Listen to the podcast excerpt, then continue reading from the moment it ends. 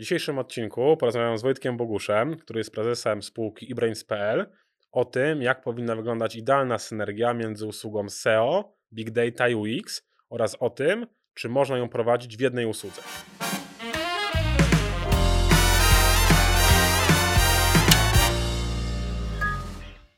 Cześć Wojtek. E, Cześć, Ostatni Wojciech. raz widzieliśmy się chyba z rok temu, jak ci dobrze pamiętam. Z rok temu wyglądało to zgoła odmiennie. E, No tak, tak, troszkę się zmieniło, no ale właśnie, bo e, ty przecież zajmujesz się teraz działką mocno UX-ową, e, analityczną. No i co powiesz pod kątem UX-a o, o naszym nowym studio?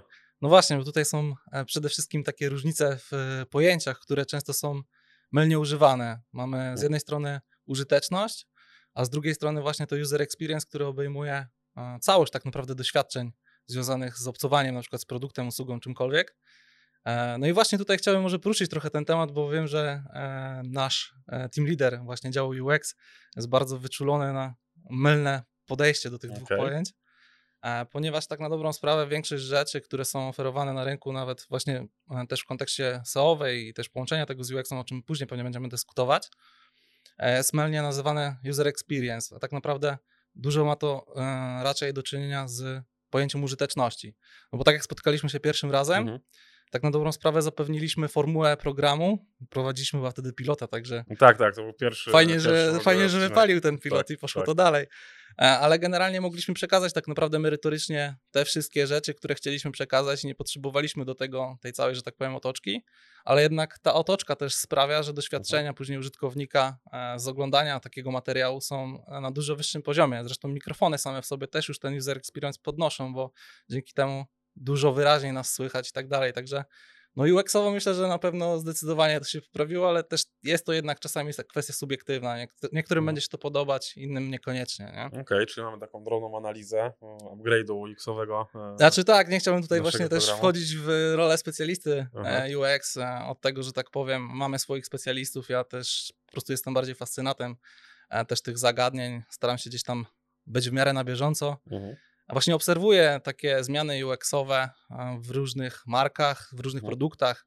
Ostatnio właśnie poruszyliśmy sobie też e, temat e, Netflixa i zmian na Netflixie. Tak, tak, rozmawialiśmy kiedyś o mm, faktycznie nowym dystrybucji e, dostępu do opcji napisów i języka. Tak, i tu też się trochę nie zgodziliśmy, bo tobie Tak. się ta opcja nie podobała, No a tak, ja uważałem, że jest genialna. E, W ogóle Netflixa uważam jako jedną z hu- takich usług, które są bardzo mocno UX-owo przemyślane E, i nawet właśnie wybór tego języka, czy tej ścieżki dźwiękowej i versus napisy, Mhm. no w moim przypadku mega się sprawdza, no bo e, posiadając, że tak powiem, dziecko w domu, któremu często muszę jednak tą wersję językową na polską zmieniać, a że tak powiem wieczorami już chcąc korzystać sobie właśnie e, z wersji na przykład oryginalnej e, ścieżki językowej z napisami, no musiałem wykonać x kliknięć. W tym momencie tak na dobrą sprawę po prostu sobie wykonuję dwa Mhm. kliknięcia, jestem w stanie się łatwo, szybko przełączyć między tymi e, wersjami. Ale jeszcze tak w, nawiązując do takich popularnych może produktów, Tak, no bo właśnie ty jesteś, nie wiem czy dobrze powiem, no ale chyba takim twoim jednym z marzeń może jest zostanie szczęśliwym posiadaczem Tesli. Tak, ale tutaj akurat wszystko pod górkę. Nie jest tak łatwo posiadać Tesla w Polsce. No właśnie, ale dlaczego, skąd właśnie ten, ten taki hype na to, bo no to jest dobra, fajne, elektryczne, fajne przyspieszenie, nie ma Mhm. się co oszukiwać, do tego fajny no, headliner, tak, w postaci Elona Muska, który no, Mhm. też już jest gdzieś tym takim, powiedzmy, Steve'em Jobsem Apple'a, tak, wcześniej ludzie nie chcieli mieć telefonu Apple'a, bo jest fajny, tylko Steve Jobs był fajny, a nie chcieli być tak fajni jak on. Mhm. No i mam wrażenie, że z Teslą jest trochę podobnie, no ale są też takie drobne elementy, które jednak sprawiają, że jest fan z tych samochodów. No właśnie, i tutaj znowu mamy pojęcie UX-a i użyteczności. No bo z jednej strony e, możemy sobie podnosić te doświadczenia użytkownika poprzez zwiększanie tej użyteczności, czyli de facto po prostu staramy się, żeby ten produkt był jak najbardziej intuicyjny. Jak szybszy, tak bardziej dalej. ekonomicznym przypadku samochodu, tak? Dokładnie. Szybszy, bardziej ekonomicznie jeździł, miał większą pojemność Dokładnie. e, bagażową i tak dalej. A z drugiej strony mamy funkcje na przykład w Tesli, które właśnie powodują moim zdaniem to, że Tesla nie jest rozpatrywana do końca w e, kategorii samochodu, tylko czasami właśnie gadżetu elektronicznego. Mhm. E, No bo mamy na przykład funkcję e, poduszki pierdzącej. Możemy ustalić, że Tak. jak ktoś siada, Tak, tak. To e, fotel e, wydaje, że tak powiem, dźwięk. E, Pierdzący. tak, pierdzący. Tak. No i jakie to jest użyteczne? No nie bardzo jest to użyteczne, a z drugiej strony Zależy powoduje... też w jakiej sytuacji. Jak chcesz sprankować, no to, to jak najbardziej super. Tak, a z drugiej strony powoduje ten, ten uśmiech gdzieś tam na Mhm. twarzy użytkownika takiego samochodu, czy nie wiem, przeniesienie się na Marsa teoretycznie, gdzie na nawigacji Tak. wyświetla nam się, że jesteśmy Tak, na Marsie. bo też świąteczny dodatek, gdzie migacze to były dzwonki sań. Wtedy dźwięk dzwonek sań się. I to jest No, moim zdaniem trochę paradoks właśnie UX-a, że czasami wcale nie e, prowadząc działań, które mają zwię- zwiększyć użyteczność e, jakiegoś właśnie przedmiotu, usługi czy czegokolwiek, powodujemy, że samo doświadczenie, takie ogólne doświadczenie Mhm. użytkownika jest zdecydowanie wyższe, właśnie zdecydowanie fajniejsze i chcemy po prostu posiadać, mimo że to jest w ogóle nam po Mhm. prostu do życia e, Jasne. niepotrzebne. No bo jakby przenieść to faktycznie na taki grunt nam bliższy, czyli właściwie e-commerce'owy, Mhm. marketingowo-internetowy, e, no to wydaje mi się, że takim elementem są na przykład sklepy chociażby zoologiczne, gdzie widziałem Mhm. na wielu sklepach fajny patent, gdzie faktycznie jak zakładasz profil klienta, to nie zakładasz swojego profilu klienta, tylko profil swojego zwierzaka. Gdzie Tak. właściwie wszystko jest to samo, tylko że no, y, jest ten fajny taki element, kurczę, że faktycznie to twój zwierzak jest tym klientem w sklepie, ma swój profil, y, zwracają się pery twojego, do twojego zwierzaka, bo to dla niego jest ten produkt kierowany. No właściwie opcja zbędna, no można też było swoje dane wprowadzić, ale jest to takie, jeśli ktoś lubi zwierzaki, jest z tym swoim zwierzakiem bardzo gdzieś tam zżyty, no to jest taki fajny, y, fajny właśnie y, bonus, y, fajne odczucie, że, y, że ten zwierzak jednak jest tym centrum uwagi. No właśnie, tu uważam, że poruszyłeś fajną kwestię, ponieważ właśnie w kontekście e-commerce'a e, mamy trochę szersze pole manewru niż ma na przykład, nie wiem, Allegro moim zdaniem. W sensie Mhm. Allegro musi stawiać jednak na tą użyteczność, wprowadza usługi, które Mhm. z, zwiększają to user experience typu e, smart, który powoduje to, że możemy sobie Mhm. mieć, e, że tak powiem, te przesyłki e, w bardzo okazyjnej cenie. Mhm. A z kolei właśnie takie sklepy specjalistyczne, które mogą sobie właśnie pozwolić na to, żeby mm, trochę zaszaleć, nazwijmy to Mhm. sobie, właśnie przez na przykład taką ścieżkę tworzenia profilu w sklepie zoologicznym. Podobną e, zresztą taktyką jest, taktyka jest stosowana chyba na Visage.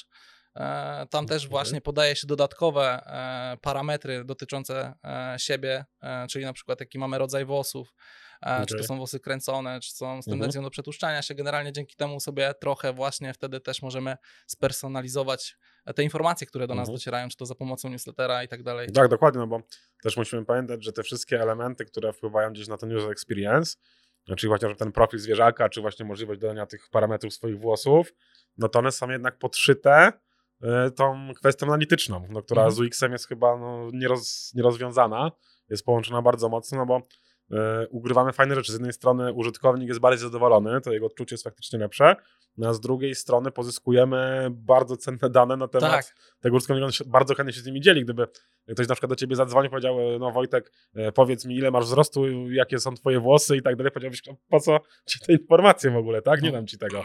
E, Czułbyś taki troszeczkę, mm, że twoja prywatność jest naruszona. tak. A tutaj dokładnie. dzielisz się tym bardzo chętnie.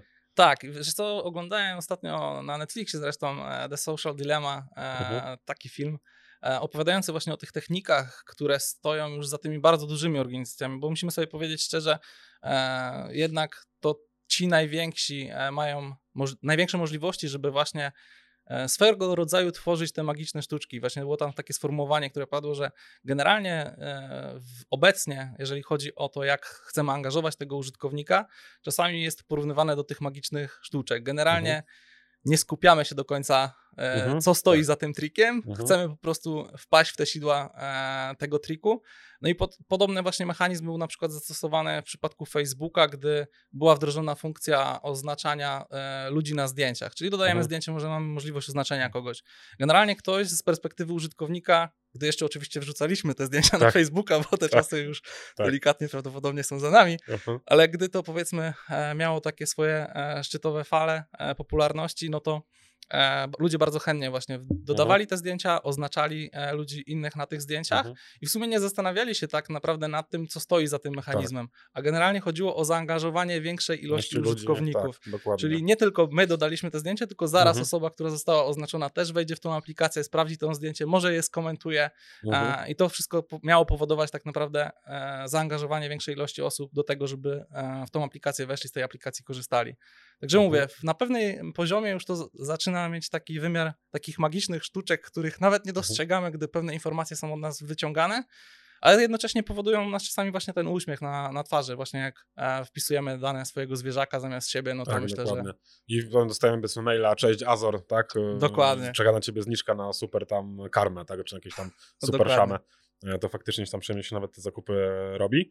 E, No ale gdzieś wróćmy faktycznie do tych tematów nam bliższych, typu właśnie e-commerce'owych, SEO-owych, UX-owych. E, No bo w sumie od bardzo dawna my gdzieś prowadziliśmy te usługi obok siebie bardzo mocno, no z czego to właściwie wynikało. No, e, my zajmujemy się tym SEO 360 e, i wynikło to właściwie z tego, no, że my mieliśmy fajne wyniki w dostarczaniu ruchu. No i super, no ale klient mówi, ok, ale mam problem, tak? No ten ruch nie konwertuje. Dla nas to też było dziwne, bo dobieraliśmy jednak frazy takie, które faktycznie miały ten potencjał sprzedażowy. Więc e, no, dochodziliśmy do wniosków no, bardzo szybko, że coś musi być nie tak samą stroną. E, No my jako gdzieś tam agencja SEO czy specjaliści SEO ogólnie, no nie bardzo mamy wpływ na to, jak wygląda sama obsługa klienta, jak wyglądają ceny w tym sklepie. No możemy dostarczyć ruch, ale czy faktycznie klient zdecyduje się na dalszą interakcję ze stroną? No dużo gdzieś się już jednak było po stronie samego klienta, który nie zawsze mm, miał pełną świadomość tego, z czego to wynika, tak? No bo e, faktycznie no, przy UX mamy chociażby jakieś tam podstawowe heurystyki, e, prawda? Znaczy tak, jeżeli chodzi o e, UX-a, no to pamiętasz zresztą jak to było, w sensie sama ewolucja usługi SEO-owej doprowadziła do tego, że musieliśmy jednak zatroszczyć się o coraz więcej aspektów takiego e-commerce'a. Mhm. Poza tym jakby dynamika w ogóle e, zmian stron internetowych też mam wrażenie, że wzrosła w jakimś tam Mm, ostatnim czasie, E, więc no mamy dużo większą jednak podatność na to, że możemy w tej, e, w tym powiedzmy lawinie tych zmian, które chcemy wdrożyć, możemy zaliczyć jakieś e, wpadki, w sensie nie dopracować wszystkich elementów do takiego poziomu, jakiego byśmy sobie Tak, zwłaszcza kiedy dużo jest tych elementów i dobra, chcę zrobić to, zrobić to, jednego nie Mhm. dociągnę, nie sprawdzę, czy napra- naprawdę to działa Mhm. i robi się problem, bo przeczytałem gdzieś na blogu, że y, guzik dodania do koszyka ma być zielony, tak, dobra, Mhm. robię to, ale tak naprawdę nie zastanawiam się, czy to faktycznie działa, może faktycznie popsuło w ogóle Mhm. cały proces. No często nie mamy nawet czasu, sposobności, żeby na przykład przeanalizować, czy wszystkie nasze filtry prawidłowo działają. Bardzo dużo mamy case'ów e, związanych właśnie z tym, że teoretycznie funkcjonalności, które powinny działać, e, nie zawsze działają, bo na przykład nie wyrzucają faktycznie tych wartości, które byłyby oczekiwane. E, Na pierwszy rzut oka właśnie odbierając na przykład stronę internetową, wydaje nam się, że wszystko jest w porządku, a dopiero tak na dobrą sprawę po jakimś audycie takim użyteczności UX-owym jesteśmy w stanie określić, czy faktycznie ta strona spełnia te podstawowe założenia e, w swoich funkcjonalnościach. Mhm. No tak, no bo faktycznie kiedy my, no już pamiętam, kiedy kilka lat temu gdzieś pojawiły się te pierwsze mm, zaczątki takie, gdzie stwierdziliśmy, że kurczę, musimy pomóc e, klientowi w konwertowaniu tego ruchu, że Mhm. e, okej, jesteśmy dobrzy w dostarczaniu ruchu, ale jeszcze trzeba zrobić fajną konwersję. No pamiętam, że na początku faktycznie no, opieraliśmy się na jakichś takich naszych własnych odczuciach specjalistów, tak, no każdy mógł przeklikać koszyk, zobaczyć, a dobra, tutaj coś nie działa, na wersji mobilnej gdzieś przesunął się przycisk, dało się to zrobić, ale to było za mało zdecydowanie, no bo e, taka jakby, że tak powiem, analiza z szablonu e, no jest fajna na jakimś bardzo podstawowym etapie, coś można wychwycić, ale faktycznie, no żeby zrobić taką dobrą usługę pod tym kątem, żeby mieć nad tym pełną kontrolę, wiedzieć co się dzieje i w którym zmierzać kierunku, no potrzebny jest jednak e, duży sztab specjalistów konkretnie ukierunkowanych w te działania. Mm, I no my dosyć szybko, już no kilka lat temu podjęliśmy decyzję, że to nie może być tak, że pozycjoner będzie zajmował się też tematami UX-owymi, no bo po prostu to jest za dużo, to trzeba wdrożyć, poprowadzić. No i stąd gdzieś pojawił się pomysł faktycznie utworzenia całego działu na teraz właściwie kolejnej spółki, podmiotu, który zajmuje się tylko i wyłącznie tym elementem ścisłej współpracy z działaniami SEOwca. I właśnie no, kto w ogóle jest potrzebny w takim zespole, Mhm. żeby doprowadzić sytuacji, gdzie mamy fajny ruch, do sytuacji, gdzie mamy fajny konwertujący ruch. Znaczy wiesz co, właśnie jeszcze nawiążę do tego, e, że Sowiec właśnie próbował weryfikować, no to też była bardzo właśnie dziurawa e, ścieżka, no tak, jednak zdecydowanie. specjaliści SEO, nawet u nas, no, siedzą przeważnie na dwóch e, pełnowymiarowych ekranach, nie wiem, 24 cale na przykład, Mhm. Full HD i mają odpalone te strony. E, E, No tak. tu jest już pierwsza luka i Mhm. powiem szczerze, że właśnie w pierwszych iteracjach e, audytów tych użyteczności, które mm, sobie wykonywaliśmy, od razu gdzieś tam zwróciliśmy uwagę na to, że mm, przede wszystkim to musimy dosyć mocno skupić się na tym mobile, bo ten desktop to jest często właśnie analizowany zarówno przez deweloperów na wyższym poziomie, e, jak i później specjalistów SEO. Często pracując w ogóle e, w ramach danego e-commerce'a, mm, też patrzymy e, w biurze na to z perspektywy właśnie e, pełnowymiarowego monitora. I tutaj właśnie bardzo dużo też było potencjału właśnie w tych wersjach mobilnych. Jeżeli chodzi o to, kto musi tak naprawdę doprowadzić tą stronę do tego, by lepiej konwertowała na przykład, E, ciężko tak naprawdę to jednoznacznie określić, bo na pewno to musi być specjalista, który e, właśnie nie tylko z perspektywy tak zwanej wędrówki poznawczej, bo to, o czym ty mówisz, to co wykonywał w większości nasz specjalista SEO na przykład, to była mhm. tak zwana wędrówka poznawcza, czyli przechodzenie mhm. po prostu tak, po tak. sklepie, próba, nie wiem, dokonania zakupu. Próba... I to z własnej perspektywy tylko i wyłącznie, bo też jest chyba kluczowe tutaj, że perspektywa z punktu siedzenia, tak? Jeśli ty mhm. nie jesteś zainteresowany tym produktem, tak naprawdę nie chcesz go kupić, nie szukasz, jesteś właśnie, nie jesteś w trakcie swojego customer journey gdzieś tam, no to zupełnie inaczej dostrzegasz, postrzegasz te elementy, które się na stronie pojawiają. Dokładnie, na przykład no nie jesteś grupą docelową w ogóle mhm, tego tak, konkretnego e-commerce'a i w sumie nie do końca, wiadomo, że poznajesz ten asortyment pracując no, oczywiście, w ogóle, tak. ale generalnie dalej nie jesteś tym targetem, bo na przykład nie masz tego zwierzątka w domu, któremu chcesz coś mhm. kupić i tego do końca nie rozumiesz mimo wszystko. Mhm. E, więc jakby wprowadziliśmy sobie i też to iteracyjnie rozwijaliśmy e, te usługi, które tak na dobrą sprawę miały komplementarnie uzupełniać e, te nasze prace nad konwersją. E, jednym z takich podstawowych gdzieś tam usług, wiadomo, były te audyty użyteczności, gdzie chcieliśmy sobie powiedzmy wyłapać te podstawowe błędy, które często właśnie na stronie były i dotyczyły poszczególnych elementów. E, źle zaprojektowanych formularzy, źle zaprojektowanego koszyka, koszyka sprawiającego właśnie błędy, e, filtrów, które, które nie działały, czy widoku mobilnego, który się rozjeżdżał. Mhm. Mieliśmy dosłownie case'y, gdzie nie mogliśmy się przeklikać na, e, przez menu na widoku mobilnym i, mhm, i tak. to są już naprawdę tak, po bardzo ważne błędy. Krytyczne błędy. I to już nie tylko pod kątem samego UX, ale też pod kątem SEO, tak, no kwestia mhm tożsamości strony desktopowej z mobilną, no też ma bardzo duży wpływ jednak na, na samo pozycjonowanie. Tak. E, więc to jakby dwa elementy naraz można, można gdzieś wychwycić. No, ale jadąc mhm. powiedzmy dalej z tym tematem, e, poszliśmy właśnie później o krok dalej, a wprowadziliśmy sobie też e, testy użyteczności, badania UX, to tak naprawdę w pierwotnej wersji się e, nazywało, gdzie właśnie mogliśmy już nie tylko ze perspektywy specjalisty, który i tak już w tym audycie użyteczności mhm. wykazywał się, że tak powiem, e, szerszą, e, szerszym asortymentem tych narzędzi, które, które pomagały mu przygotować taki audyt, bo to była mhm. analiza heurystyczna, analiza konkurencji, czy analiza w ogóle danych też z Analyticsa, czyli takie praktycznie cztery analizy, które składają się gdzieś tam na taki audyt użyteczności. Wprowadziliśmy później na przykład badania e, tej użyteczności, czy te testy użyteczności, które już e, stricte e, projektował je specjalista UX oczywiście, ale właśnie były prowadzone na grupie respondentów, która odpowiadała właśnie temu targetowi mhm. danego e-commerce'a. Mhm. Czyli mieliśmy możliwość też właśnie przeprowadzenia takich badań na, nie wiem, grupie powiedzmy 10 osób, które są stricte po prostu e, grupą docelową tego e-commerce'a, tak, które dokładnie... To, to jest chyba taki jeden z kluczowych elementów, mi się wydaje, który bardzo mocno otwiera oczy klientom, bo e, wiadomo, że w momencie, kiedy specjalista SEO gdzieś tam sugeruje opcję, że powinniśmy coś tu zmienić właśnie pod kątem takim bardziej UI, UX, no to klient ma takie, e, ja się znam na tym biznesie lepiej, tak, bo ja jestem w tej, w tej branży i pewnie tak jest oczywiście, E, zawsze klient jest tym specjalistą w swojej dziedzinie, ale on też jest troszeczkę spatrzony już tym, jeśli patrzysz na tą swoją stronę bardzo dużo czasu, włożyłeś mnóstwo pracy w zrobienie tej strony, mhm. E, siedziałeś z projektantem, z grafikiem, no to traktujesz ją trochę jako swoje dziecko, tak? Mhm. I, I, czasami ciężko jest przyjąć z zewnątrz taką, y, gdzieś może nie krytykę, ale sugestię jakichś zmian, gdzie ty uważasz, że coś jest super, a okazuje że może niekoniecznie. No i czasami takie było ciężko przeforsować, ale w momencie, kiedy faktycznie na nagraniu, gdzieś tam wideo, czy chociażby w transkrypcji E, klient widział, jaki problem ma jego użytkownik, jego faktyczny klient, nie specjalista SEO, który się tam pracuje nad widocznością, jego faktyczny docelowy klient ma problem ze znalezieniem czegoś i tak dalej, to wtedy mówił, o kurczę, Tak. To jest coś, co otwiera oczy i jakby otwiera umysł na zmiany jednak mimo wszystko. Tak, no zdecydowanie. To był właśnie e, tych testów użyteczności jeden z kluczowych punktów, jeżeli już robiliśmy taki właśnie raport po przeprowadzeniu tego typu badań to bardzo fajnym elementem tego wszystkiego były transkrypcje, ponieważ podczas takiego badania taki respondent jest zobligowany do tego, żeby właściwie nawigować również głosowo po tej stronie, czyli wszystkie elementy, mhm. które rodzą się w jego głowie, on podczas takiego e, badania jest, e, że tak powiem, zobligowany do tego, żeby e, też nam obrazować postaci właśnie tych instrukcji, które wykonuje, czyli na przykład szukam w menu tego i Mhm. tego, nie Tak. znajduję, albo Tak. znajduję, albo szukam filtrach, Tak, albo też nie mogę filtr jest nietożsamy, bo szuk- chciałbym inny filtr, tak?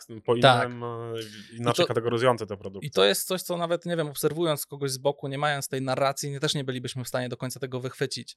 E, I też tak jak mówisz, ten problem właśnie, który jest związany z tym, że właśnie te strony często są jednak takimi naszymi e, dziećmi, nazwijmy to sobie, Mhm. o które się troszczymy i w życiu Tak. nie damy sobie powiedzieć, Tak. że w jakimś stopniu mogą Tak. być no, niedoskonałe. E, no dzięki temu jesteśmy w stanie tak na dobrą sprawę właśnie przekonać kogoś, że no, ta nasza perspektywa nie zawsze jest jednak też tą samą perspektywą Mhm. tego naszego klienta. Czasami paradoksalnie też bywa tak, że mm, właściciel sklepu teoretycznie jest bardzo dobrze zapoznany z tym asortymentem, który posiada i dla niego teoretycznie pewne rzeczy są bardzo oczywiste, że powinniśmy tutaj wyrzucić takie i takie opcje, jeżeli chodzi o filtrowanie, ale z drugiej strony e, na przykład z perspektywy powiedzmy rodzica, który chce na przykład zakupić, nie wiem, e, fotelik samochodowy, e, no to jest szereg funkcji, o których ten rodzic nie zawsze sobie nawet zdaje sprawę, że Mhm. takie funkcje faktycznie w tych fotelikach e, Mhm. gdzieś tam są i może warto wtedy taką właśnie sekcję gdzieś poradnikową wrzucić na początek e, takiej Mhm. kategorii, czy coś takiego, czy zrobić odwołanie, jak wybrać taki fotelik, czy powiedzmy on może być przodem, czy tyłem do tyłu jazdy, bo też takie jakieś Mhm. gdzieś opcje są, a też nie zawsze rodzic sobie na początku zdaje z tego sprawę, a właściciel będzie myślał, że to jest przecież takie oczywiste, że, że takie Mhm. opcje po prostu są i można sobie to tak wybierać. Tak, no nie? bo cały proces gdzieś też nie jest taki prosty, bo to też nie polega na tym, że siada sobie jakiś randomowy specjalista, wykonuje audyt jakiś heurystyk, albo Mhm. wsadzamy pię- pięciu randomowych ludzi z ulicy, którzy przeglądają sklep, e, stwierdzamy, dobra, trzeba zrobić zmiany, robimy je w ciemno wszędzie, tak, no i klient ponosi jakieś olbrzymie koszty wdrożeniowe i tak dalej Mhm. i w sumie nie wiadomo, co się dalej z tym zadziało, no. E, Takim chyba potem kolejnym procesem właśnie analizy danych, no to jest przede wszystkim przeprowadzenie testów AB. Tak, no jeśli sugerujemy jakąś zmianę, coś trzeba zmienić, uważamy, że to może być ważne, no to my zawsze uważamy, tak, ale no ten marketing internetowy jest o tyle lepszy od tradycyjnego marketingu, że my wszystko możemy mierzyć, tak? To jest dokładnie co do złotóweczki wydanej, co do użytkownika, jego poruszania się po stronie. No i testy AB też są tutaj chyba takim bardzo istotnym elementem w całym procesie. W ogóle dane są bardzo, bardzo istotne i im e, lepsze te dane, tym lepsze właśnie wnioski będziemy w stanie wyciągnąć. Ja właśnie chciałbym trochę uciekać od takiego formułowania tego, że dzięki tym audytom czy, czy badaniom coś nam się wydaje. Właśnie staramy się w tym, żeby to nie było, że nam się wydaje. Mhm. Gdybyśmy opierali na przykład te audyty tylko na wędrówce poznawczej, czyli tak naprawdę opinii jednego specjalisty, Mhm, to wtedy, to wtedy byłoby to bardzo e, subiektywne i, i Mhm. ciężko byłoby powiedzieć, wytłumaczyć dlaczego właściwie. Dlatego nie wiem, w a, audytach stosujemy heurystyki, które są sprawdzonymi jakimiś Mhm. zasadami, e, powiedzmy, autorytetów e, w tej dziedzinie. Tak samo w badaniach mówimy o respondentach, którzy e, Mhm. są jednak tą grupą docelową i są reprezentatywną jakąś Mhm. próbką tych użytkowników, który, którzy odwiedzają ten serwis, ale też tak jak mówisz, jeżeli brakuje nam czasami przekonania, bo nawet jeżeli podejmiemy pewną decyzję o pewnej zmianie, mm, to czasami i tak może nam się wydawać, że nie mamy przekonania do końca, które z rozwiązań będzie lepsze. No i tak jak mówisz, w tym wypadku też bardzo pomocne są na przykład testy, e, testy AB, gdzie bardzo, ale to bardzo Mhm. e, namacalnie możemy te dane zobaczyć i, i zobaczyć faktycznie, które, które rozwiązanie prowadziło do, do większej konwersji. I to jest naprawdę bardzo pomocne w kontekście podejmowania bardzo ważnych czasami decyzji e, No, biznesowych. Nie? zdecydowanie. No. Mi się wydaje, że też takim ważnym momentem, w którym taka no, przede wszystkim pozyskanie danych na temat swojej grupy docelowej, no to jest sama chęć zmiany w ogóle strony. Migracji na inną platformę, zmiany z szablonu wyglądu tej witryny. No ja pamiętam doskonale jeden taki przypadek, gdzie e, był to klient, który mm, miał takie narzędzia do spawania różnego rodzaju materiałów niemetalowych. E, I no, strona wyglądała troszeczkę jak sprzed epoki mm, w minionej, nie ma Mhm. się co oszukiwać. E, No i faktycznie klient e, stwierdził, że dobra, trzeba to odświeżyć, nowy, fajny, fancy szablon, super ekstra, no i nagle konwersja poleciała całkowicie, totalny dramat, no i faktycznie dopiero dogłębna analiza z naszej strony, gdzie faktycznie no klient nie zdawał sobie z tego sprawy, no bo zbudował stronę, agencja jakaś, która budowała stronę powiedziała mu, ok, no musi być super nowocześnie, tak, Mhm. i tak, no i on za tym poszedł bez właściwie, to nie było oparte żadnymi danymi, tylko właśnie wydaje nam się. No i Dokładnie. okazało się, że jego grupa docelowa to byli ludzie mniej więcej 60 plus, e, bo nie ma specjalistów właściwie w tym zawodzie młodszych. No, mamy Mhm. problem ze szkołami zawodowymi, wiadomo, nie ma tych specjalistów takich e, od tego rodzaju prac. No to byli sama grupa 60 plus właściwie. No i oni nie potrafili się już poruszać w tej nowej rzeczywistości. Przyzwyczajeni byli do tej Mhm. strony, wiedzieli, że wejdą tam, na pamięć wiedzieli, gdzie kliknąć. Wszystko kupowali, co tylko potrzebowali, nowa strona i nagle się okazało, kurczę, nie wiemy co się dzieje i przestali w ogóle kupować. No i w kontekście SEO też jest to duży problem, bo ruch doprowadzony tak, cały ruch, czas... tak, ruch był doprowadzony cały czas na wysokim poziomie, a faktycznie konwersja poleciała bardzo mocno i Mhm. dopiero potem dogłębne badania, co się wydarzyło, sprawiły, że no, została przywrócona w ogóle wersja wcześniejsza strony. No, klient zapłacił mnóstwo pieniędzy za nową stronę, a finalnie przewróciliśmy wersję wcześniejszą. Mhm. Wszystko powróciło naprawdę do, do fajnych wyników. Wystarczyło delikatnie poprawić te elementy, które gdzieś tam były na tej starej stronie. Nie trzeba było w ogóle robić nowego zupełnie szablonu. Znaczy, to jest chyba coś, co wspomniałem też na początku, czyli nie dla każdego będą takie właśnie e, mechanizmy idealne, które mają podwyższyć na przykład user experience. Mówiliśmy na przykład e, o Allegro, gdzie powiedzmy te mechanizmy muszą się sprowadzać na przykład do usług, które będą powodowały to, że będziemy chcieli na przykład dołożyć coś do paczki, bo wtedy na przykład mamy wysyłkę za darmo i tak dalej. Zresztą w ogóle mamy tam wysyłkę za darmo przez rok, więc chcemy tam wracać. E, Ale na przykład mechanizmy czysto takie wizualne, zabiegi, które my chcemy jako esteci postrzegać tą stronę i na przykład zobaczyć tam jakieś takie nazwijmy to efekt wow, no pewnie Mhm. by się nie sprawdziły, bo tam jest bardzo szeroka grupa docelowa, ta strona musi trafiać do każdego i na pewno Musi być łatwo skalowalna przede wszystkim. Dokładnie, no, więc zespół, który tam nad tym UX-em na przykład takiej strony pracuje, jestem przekonany, że musi praktycznie każdą grupę brać pod uwagę. Mhm. A w momencie, w którym rozmawiamy e, na przykład o, o tym kliencie, no to to już praktycznie się wydaje oczywiste, gdy Mhm. ktoś, kto e, zna się powiedzmy na tematyce UX-a, no będzie brał pod uwagę to, no to zawsze bierze tą grupę docelową, do której chce Mhm. trafić, e, czy do której ta strona trafia i zawsze będzie brał pod uwagę, czym ta grupa docelowa się charakteryzuje. Często też tworzymy w ogóle persony takich klientów na podstawie danych, tworzymy sobie e, profile takich osób, dosłownie wyobrażamy sobie, co właściwie ci, e, co te osoby robią, skąd są, czy to jest mała miejscowość, czy to jest Mhm. duże miasto, e, jaką mają rodzinę, jakim jeżdżą samochodem, dosłownie czasami Mhm. możemy tak rozbudowane te profile tych osób tworzyć, ale to wszystko tak na dobrą sprawę właśnie pomaga, by lepiej zrozumieć tego też klienta, czy tego użytkownika docelowego, dla którego taki produkt tworzymy. I tak jak, nie wiem, branża odzieżowa może właśnie sobie pójść w e, pewien rodzaj minimalizm, właśnie Mhm. w ten efekt wizualny, no bo też e, tworząc stronę dotyczącą e, branży właśnie fashion, no chcemy już samą stroną pokazywać, że jesteśmy że trendy. Jesteśmy, tak, e, tak, że jesteśmy taki high fashion i Tak. tak dalej. nie sprzedajemy nawet czasami samymi produktami, Mhm. tylko w ogóle tą całą otoczką, która, Mhm. która to powoduje. Nie wiem, czy wchodząc do poszczególnych sklepów, już odbiegając już od e-commerce, czy wchodząc do galerii do poszczególnych sklepów, przecież te sklepy też stosują różnego rodzaju zabiegi, że w tych sklepach na Mhm. przykład zawsze unosi się taki i taki zapach i Tak, one są wręcz opatentowane, Tak, e, żeby właśnie te user experience dla tej e, grupy podnosić. Tak, no chociaż to tutaj też trzeba mi się wydaje uważać, bo też można właśnie przedobrzyć czasami, na przykład sprzedajemy tanie ubrania, jest- i Mhm. takie jest nasze założenie, i użytkownik wejdzie na stronę, to jest totalnie high fashion, od razu będzie stwierdzić, kurczę, na pewno nie będzie mi nawet na to stać, więc wychodzę z tego sklepu. Paradoksalnie Tutaj tak. też trzeba na to uważać. Faktycznie Mhm. grupa docelowa jest bardzo, bardzo istotna. Musimy patrzeć, jaki średni koszyk, który taki docelowy klient Mhm. generuje e, i tak dalej. Także do tego jest naprawdę sporo tych elementów. Trzeba bardzo, bardzo uważać, bo można sobie zrobić dużo, e, dużo krzywdy.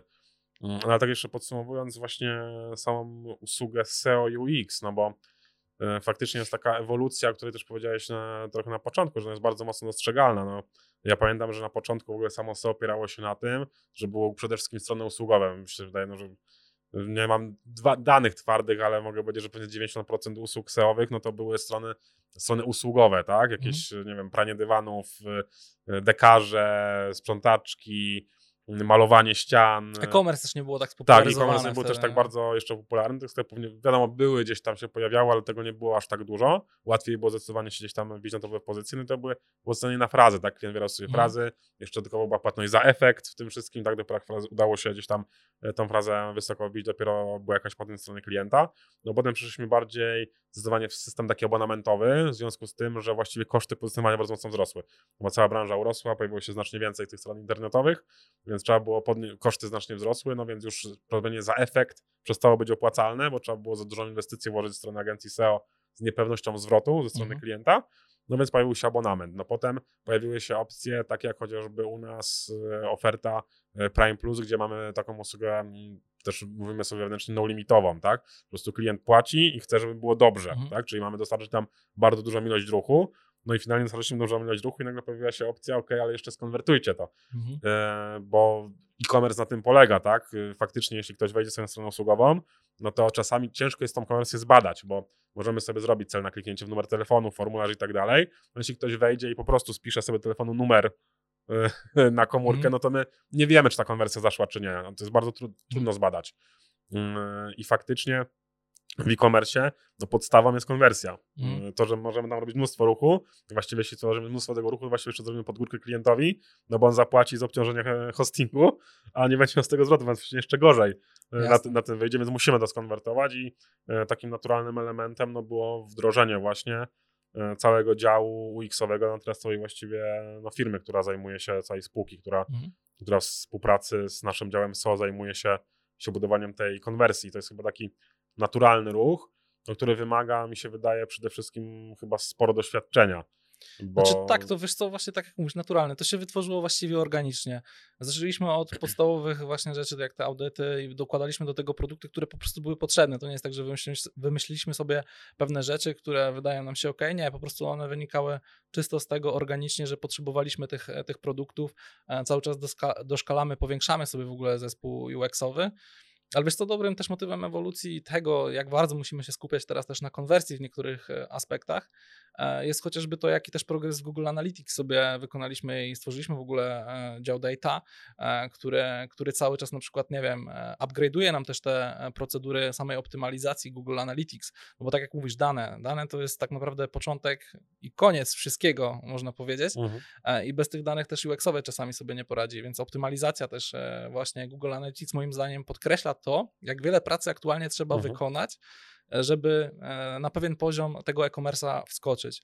E, Nie ma się co oszukiwać. E, Moim zdaniem jest trochę tak, że ci najwięksi e, mają te możliwości, no największe po Mhm. prostu. E, Tam już są te tak zwane moim zdaniem magiczne sztuczki, Mhm. e, wykonywane, że my nawet nie wiemy, że oni, tak, one są zastosowane, a robią Mhm. to, co mają zrobić.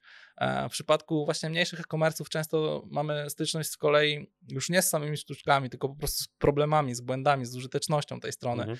I już te elementy po prostu to jest taki must have moim zdaniem. Mhm. W sensie doszliśmy do momentu, w którym nie ma miejsca na to, żeby e-commerce zawiódł w którymś, na którymś na przykład etapie mm, ścieżki Mhm. zakupowej. Tak. Nawet jeżeli nie dołożymy tego efektu wow, typu profil tam swojego Mhm. zwierzaka, Tak, tak. to musimy przynajmniej zapewnić tą No podstawę tak, funkcjonowania Możliwość sklepu, e, zrobienia zakupów w sposób łatwy, prosty i przyjemny, z fajnymi płatnościami. I to się są stało dlatego moim zdaniem też e, ewolucją tego SEO. W sensie Mhm. doszliśmy do momentu, w którym coraz bardziej holistycznie do tego wszystkiego Tak, tak, no bo faktycznie też mm, e, no gdzieś w Polsce bardzo popularny zwrot ostatnimi czasy SXO. E, No on przecież znany jest już od e, no, mnóstwo lat pod e, nazwą SUX, tak? Może nazwa nie Mhm. jest zbyt marketingowa, no, ale to jest Search User Experience, tak? No Mhm. już wiele lat temu gdzieś te tematy się przewijały i gdzieś na portalach amerykańskich, no i my też zaczynaliśmy działać w tym temacie. E, Także właściwie kwestia nazewnictwa jest tutaj bardzo, mi się daje, płynna. Jestem ciekawy, jak jeszcze wylewuje ta nazwa, Mhm. no bo cały czas gdzieś koło tego SEO staramy się Powiem ci krążyć. szczerze, że ja w ogóle niedawno dopiero pierwszy raz poznałem tą nazwę. Faktycznie później przeczytałem, że tego typu sformułowania, szczególnie gdzieś Mhm. na amerykańskim rynku, e, weszły do obiegu. E, My tak naprawdę to realizowaliśmy, nie znając do końca tych haseł, jeszcze dobrych parę lat temu. Tak, no dla po nas to było SEO i UX, tak? Bo to były takie dwie jakby usługi obok siebie, które Mhm. czasami się wspierały. No i potem organicznie doszło do tego, że one się jakby zlały w jedno i występują jako jeden jakby format obsługi kompleksowej. Tak. No jestem ciekaw w ogóle, co, co będzie w przyszłości tak naprawdę. Tak, no jestem ciekaw, jakie kolejne skróty wymyślimy, bo to, e, to też kiedyś słyszałem, że, że SEO w wielu przypadkach pod kątem marketingowym nie polega na wymyślaniu e, nowych, fajnych rzeczy, tylko nazywaniu w nowy sposób rzeczy, które już odrobimy od dawna. No, chyba. I, I troszkę, troszkę w, tym, w tym może być prawdy. E, No ale faktycznie to jest naturalny ruch, że no, branża SEO musi ewoluować i faktycznie nieważne jaki ten skrót e, usługi finalnie się pojawi, Musimy być coraz bardziej skuteczni po prostu. To po prostu chodzi o to, że chodzi o to, żeby dostarczyć ruch i skonwertować ten ruch tak, żeby pojawił się finalnie Mhm. przychód po stronie klienta. No bo nieważne, jakie efekty uzyskam pod kątem UX-owym, pod kątem e, gdzieś tam SEO-owym, no jeśli nie będzie finalnie przychodu w e-commerce, no to ta usługa tak naprawdę gdzieś nie ma sensu chyba, tak? Dokładnie. Czy mówię, no staramy się po prostu zapewnić e, na tyle pomocy, ile, na ile jest to możliwe. Wiadomo, że nie wszystko jesteśmy w stanie wykonać gdzieś tam samodzielnie. To zaangażowanie ze strony właściciela też jest bardzo istotne. E, Często właśnie spotykamy się z projektami, w których właśnie to zaangażowanie właściciela jest dosyć duże. E, teraz na przykład w kontekście no, też działania samej e, strony internetowej, szybkości tej działania, znowu jest połączenie tak naprawdę, e, jesteśmy w pewnej symbiozie, no bo też z perspektywy UX-owej szybka strona to dobra strona, a teraz z perspektywy SEO-owej również to się stało tak, pewnego rodzaju tak, wykładnią. Prawda, prawda. Więc znowu te nasze cele stają się ko komplementarne i myślę, że do tego też Google dąży poniekąd, mhm. zmuszając właścicieli stron e, przez to, żeby właśnie te strony były coraz bardziej mhm. użyteczne. Search konsoli też tak na dobrą sprawę od jakiegoś czasu, już chyba dłuższego zresztą czasu, masz pewne rzeczy widoczne odnośnie na przykład tak. tego, czy strona jest dobrze responsywna. Tak, to e, prawda. Więc to są też stricte już mhm. e, takie UX-owe kwestie, e, czyli sprawdzamy po prostu, czy faktycznie użytkownik e, który zostanie odesłany na daną stronę, na przykład z urządzenia mobilnego, mhm. będzie mógł w łatwy, przyjemny sposób e, się po niej poruszać. Mhm. Teraz dochodzi do nas właśnie, dochodzi ten e, na przykład e, PageSpeed. Opinie poniekąd moim zdaniem to jest też fajna kwestia, bo uważam, że opinie też są poniekąd takim nawiązaniem do UX-a, czy użytkownik właśnie znajdzie też tam informacje czy recenzje na temat tych produktów, które potencjalnie mhm. będzie chciał za, zakupić i w ogóle właśnie jakby weryfikacja tych opinii, tak jak jest rozbudowana właśnie mhm. e, przez te algorytmy, uważam też za coś bardzo pozytywnego. W ogóle tu jest fajna anegdotka, bo ostatnio zrobiliśmy takie badanie. Chcemy je też zresztą e, w dalszym ciągu gdzieś tam sobie prowadzić. Mm, właśnie opinie produktowe na sklepie okazuje się, przynajmniej na jakiejś tam małej na razie próbce, mówię, cały czas mamy to w cyklu badawczym i myślę, że te badania jeszcze potrwają mhm. może z parę miesięcy, ale na małej próbce wyszło nam ostatnio, że E, opinie produktowe, a właściwie ich ilość też potrafi dość mocno właśnie mhm. wpływać na konwersję. I startowaliśmy sobie, powiedzmy, w takim badaniu z takiej próbki około tam 9 opinii e, do 40 opinii, bodaj z tego co pamiętam, e, w różnych przedziałach. I mierzyliśmy właśnie, jak ilość opinii będzie wpływać mhm. na konwersję na, na danym produkcie. I w sumie, gdy zaczynaliśmy od takiej próbki 9 opinii, w porównaniu do tej próbki z 40 opiniami okazało się, że o pół E, o pół punktu procentowego podskoczyła nam, e, podskoczył nam współczynnik konwersji, czyli tam e, prawdopodobnie, i tu właśnie jest ciekawe, jestem ciekaw, czy jakby większe nagromadzenie tych opinii wyczerpało ten temat, tych pytań, które mhm. potencjalnie mieli użytkownicy, okay. Czy ale, sam, sama ilość? Czy sama ilość, bo mhm. czasami właśnie spotkałem się właśnie z opinią z tym, że jak coś ma dużo opinii, to zakładamy, że po prostu ten produkt jest chodliwy, mhm. a jeżeli e, coś jest chodliwe, to zakładamy, że coś jest dobre, bo tak, x użytkowników tak, tak, podjęło decyzję, żeby tak, no social ten produkt... tak, no, Dokładnie. kupiło, ja też to potrzebuję. Dokładnie, więc mówię, ten temat no. opinii też będziemy sobie gdzieś tam zgłębiać w najbliższych miesiącach mhm.